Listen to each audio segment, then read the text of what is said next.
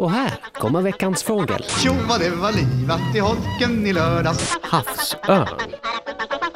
Djurvärldens slarvigaste krabat ska vi prata om nu. Vad, vad är det för någon då? Havsörnen, kom igen nu. Anders. Ja, ja. Kanske det bästa skämtet jag har hört idag. Ja, och också det bästa skämtet du har hört hundra gånger. Ja, det jag, jag kan ha hört innan. Det gör det inte sämre. Det, det, Nej, kanske, det, gör- Det är som ett Oj. fint vin, det blir bara roligare och roligare. Ja, precis. Det är en kvalitetsstämpel att återanvänds mycket. Verkligen. Well, well. Havsörn, Klara. Shoot! Det är Sveriges största rovfågel. Kan vi börja med. Med ett vingspann på alltså, uppemot två och en halv meter. Nej, Joho! Det är Alltså det, så det, det är väldigt stora helt fåglar. sjukt. Gud, nu blev jag lite rädd. Det behöver det nog inte vara, för att trots att de är ganska stora så är de inte så enormt kraftfulla jägare. Eh, Och hur mycket väger de?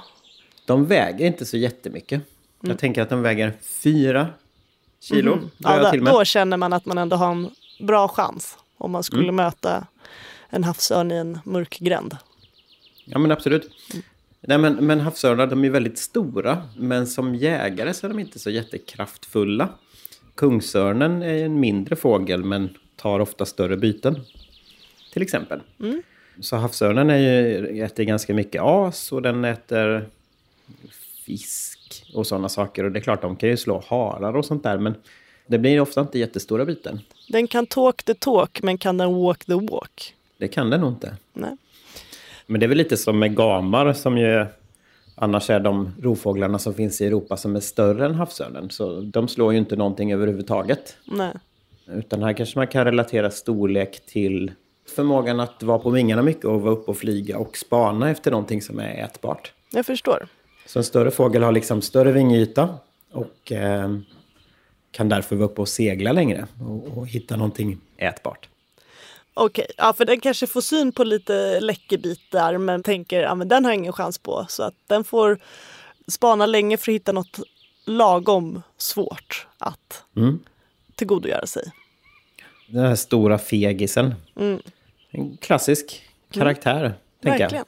jag. Okej, men så mycket as, inte så mycket levande fiskar och så som den snappar upp. Den kan fiska ganska mycket. Det beror lite på var de häckar och sådär. Men fisk ingår absolut i, i havsörnens stapelföda. Definitivt. Och vad är det för as den äter? Det kan ju vara lite vad som helst. En strandad säl. Strandad säl är ju absolut mums. Men det kan också vara om det ligger ett kadaver av någonting ute i skogen. Alltså en, om det är något vägdödat till exempel. Eller något eh, rovdjursdödat djur liksom. Något rådjur eller någon hjort eller någon älg eller vad som helst liksom. Men då låter det lite som att den skulle kunna vara var som helst. Men Mm. den är väl framförallt mest ute till havs. Det är nog faktiskt... De är kanske inte så enormt mycket till havs som man kan tro. Alltså skärgården är ju klassiska svenska biotopen för havsörn. Och, och det har naturligtvis att göra med att de fiskar. Men de finns också i inlandet. De gillar att ha närhet till sjöar där de häckar. Så att de kan fiska. Men det behöver inte vara så att det är fisk de äter heller. Utan eh, tillgång till fisk men också tillgång till annan typ av föda. Så att de klarar sig. Ehm, I Skåne till exempel så övervintrar det väldigt mycket havsörn. I områden där det kanske inte finns jättemycket sjöar. Men de, sen kan de ju också övervintra där det är fruset. Så att det inte finns något liksom öppet vatten. Och då får de ju klara sig på någonting annat. Så att de behöver framförallt mat. När jag gick i mellanstadiet, tror jag, kanske lågstadiet, så pratade man ju mycket om landskapsdjur. Mm. Och vårt landskapsdjur i Uppland var ju havsörnen. Men det var ingenting som man direkt åkte ut och, och tittade på med klassen utan det sades att det inte fanns så många. Och det var ju tråkigt. Mm. Har klass 3B i Olofslundsskolan bättre chans nu? Det har de absolut. Havsörnen går det väldigt bra för nu. De var på väg att utrotas. För några decennier sedan så var havsörnen väldigt ovanlig. Och någonting som man sällan såg. Och det hade framförallt med miljögifter att göra. Populationen var låg efter gamla förföljelser och sen fanns det några olika gifter som påverkade deras häckningsframgång. Men eh, här har man ju då genom förbud mot till exempel DDT och liknande så går det bättre för havsörnen. Och biotopskydd och annat. Så att eh, det här är ett exempel på lyckade naturvårdsinsatser och eh, där man faktiskt har lyckats vända negativa utvecklingar. Så det är ju jättekul. En applåd! Eh, mm, ja, men verkligen. Så att innan var det så, när det var som minst havsörn i Sverige, så var det några par i skärgården och sen några par uppe i Lapplandsfjällen i princip. Men nu så finns den längs med hela östkusten och eh, ganska mycket i inlandet och i hela fjällkedjan också. Så att, eh, nej men det går bra. Okej, men då ska jag alltså spana efter en jätte, jätte, jättestor örn, låter det som. Har du några mer knep? För att jag ska känna igen den. Ja, ofta är det så när, när man ska kolla rovfåglar så får man ofta titta på siluetten. Det är ofta så att man ser dem på lite längre håll och har lite svårt att skilja dräktdetaljer. Och då brukar man säga att havsörnen ser ut som en stor planka. Om man ser den på långt håll så ser man att det är någonting väldigt stort med väldigt, framförallt väldigt breda vingar. Den är Ehm, väldigt platt också liksom. Ja, precis. Så att en stor fågel med liksom långa och breda vingar, man ser att det är på något sätt en stor yta uppe i luften. Och sen sticker det liksom inte ut så mycket eller, eller så bakom den, utan det är framförallt den här vingarna som bildar siluetten då när man ser den på Den är håll. mer, mer bredd än längd om man säger så. Absolut, precis. Och sen om man kommer lite närmare så ser man då att den har ett kraftigt huvudparti och en kort stjärt. Så att stjärt och huvud sticker liksom ut ungefär lika långt. Så den är ungefär lika lång bakåt som framåt. Och just att den här att den har väldigt kraftigt huvudparti är ofta rätt påtagligt. Och sen om du ser en äldre havsörn då och tittar på dräkten så ser du att den har vit stjärt och en tydligt gul näbb. Så att en gammal havsörn är lätt att känna igen på, på dräkten om man ser den väl. Är de yngre så är det lite, inte riktigt lika självklart, utan då ser de ofta mest mörka ut. Och där har kungsörnen andra teckningar. Och så liksom ganska långsamma och lugna vingslag. Okej. Och Mm. vad ska jag lyssna efter då? Eh, ja, alltså vad ska man säga? Man kanske inte ska säga något, vi kanske bara ska lyssna.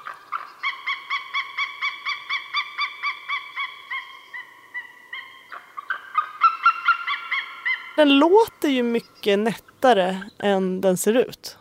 Mm, ja, precis. Nej, men det är inte ett läte man kanske tänker att det skulle komma från en jättestor rovfågel. Och eh, det här lätet är inte någonting som man hör jätteofta. Eh, men om man vistas i skärgården till exempel på våren, alltså under häckningstid, så kan man absolut höra det. För det är väl ofta där som man kan vara lite närmare in på havsörnen under häckningstid, så att säga. Okej. Mm. Så nu ska jag alltså ut och spetsa ögonen och inte öronen. Mest så, absolut. Men är det fel av mig att ta en liten cruise ute i skärgården? Om jag nu vill på lite havsörnssafari eller borde jag stanna här på Södermalm?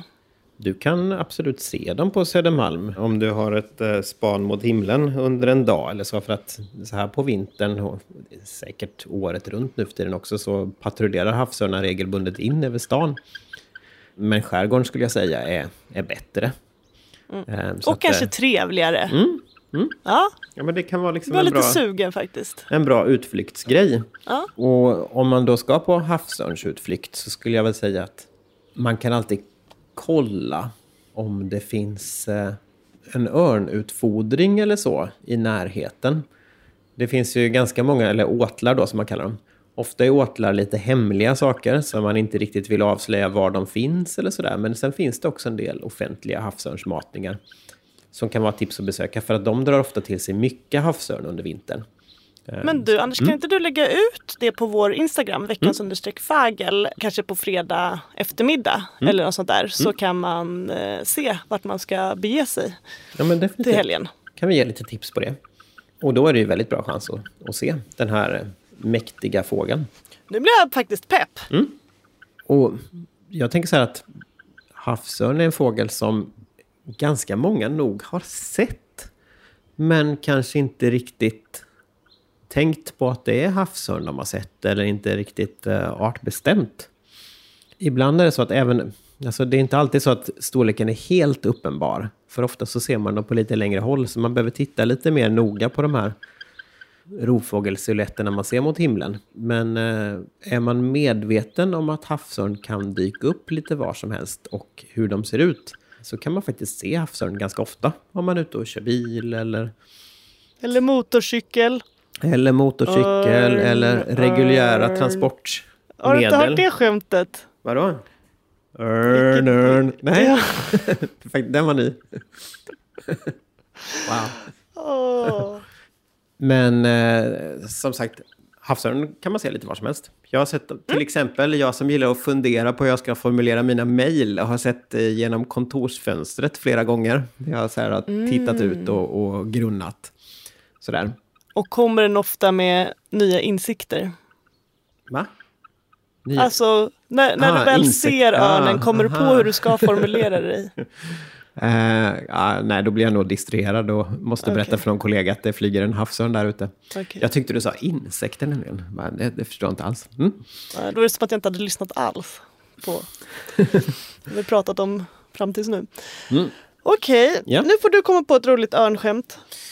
Eh,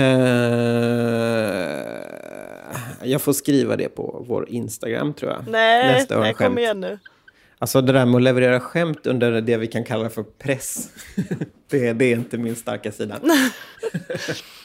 Men ska jag säga, vi hade ju även en örn, jag tror i och för sig inte att det var en havsörn, men som Mhm. eh, vår liksom symbol i eh, gymnasiet. Mm. Och då hette vår matsal Örngottet. Mm. Det är ju bra. I Sveriges alla hörn, kanske till och med på Tjörn. Har du chans att se en örn? Nej, inte havsörn. Inte på Tjörn eller? Kan man inte se en havsörn på Tjörn? Jo då. Mm. Det kan du absolut göra. Och det är ändå också så att havsörn på Tjörn är mest på hösten och vintern. De Mm. har inte etablerat sig så mycket på västkusten än som häckfågel. Okej. Utan det kommer snart igen.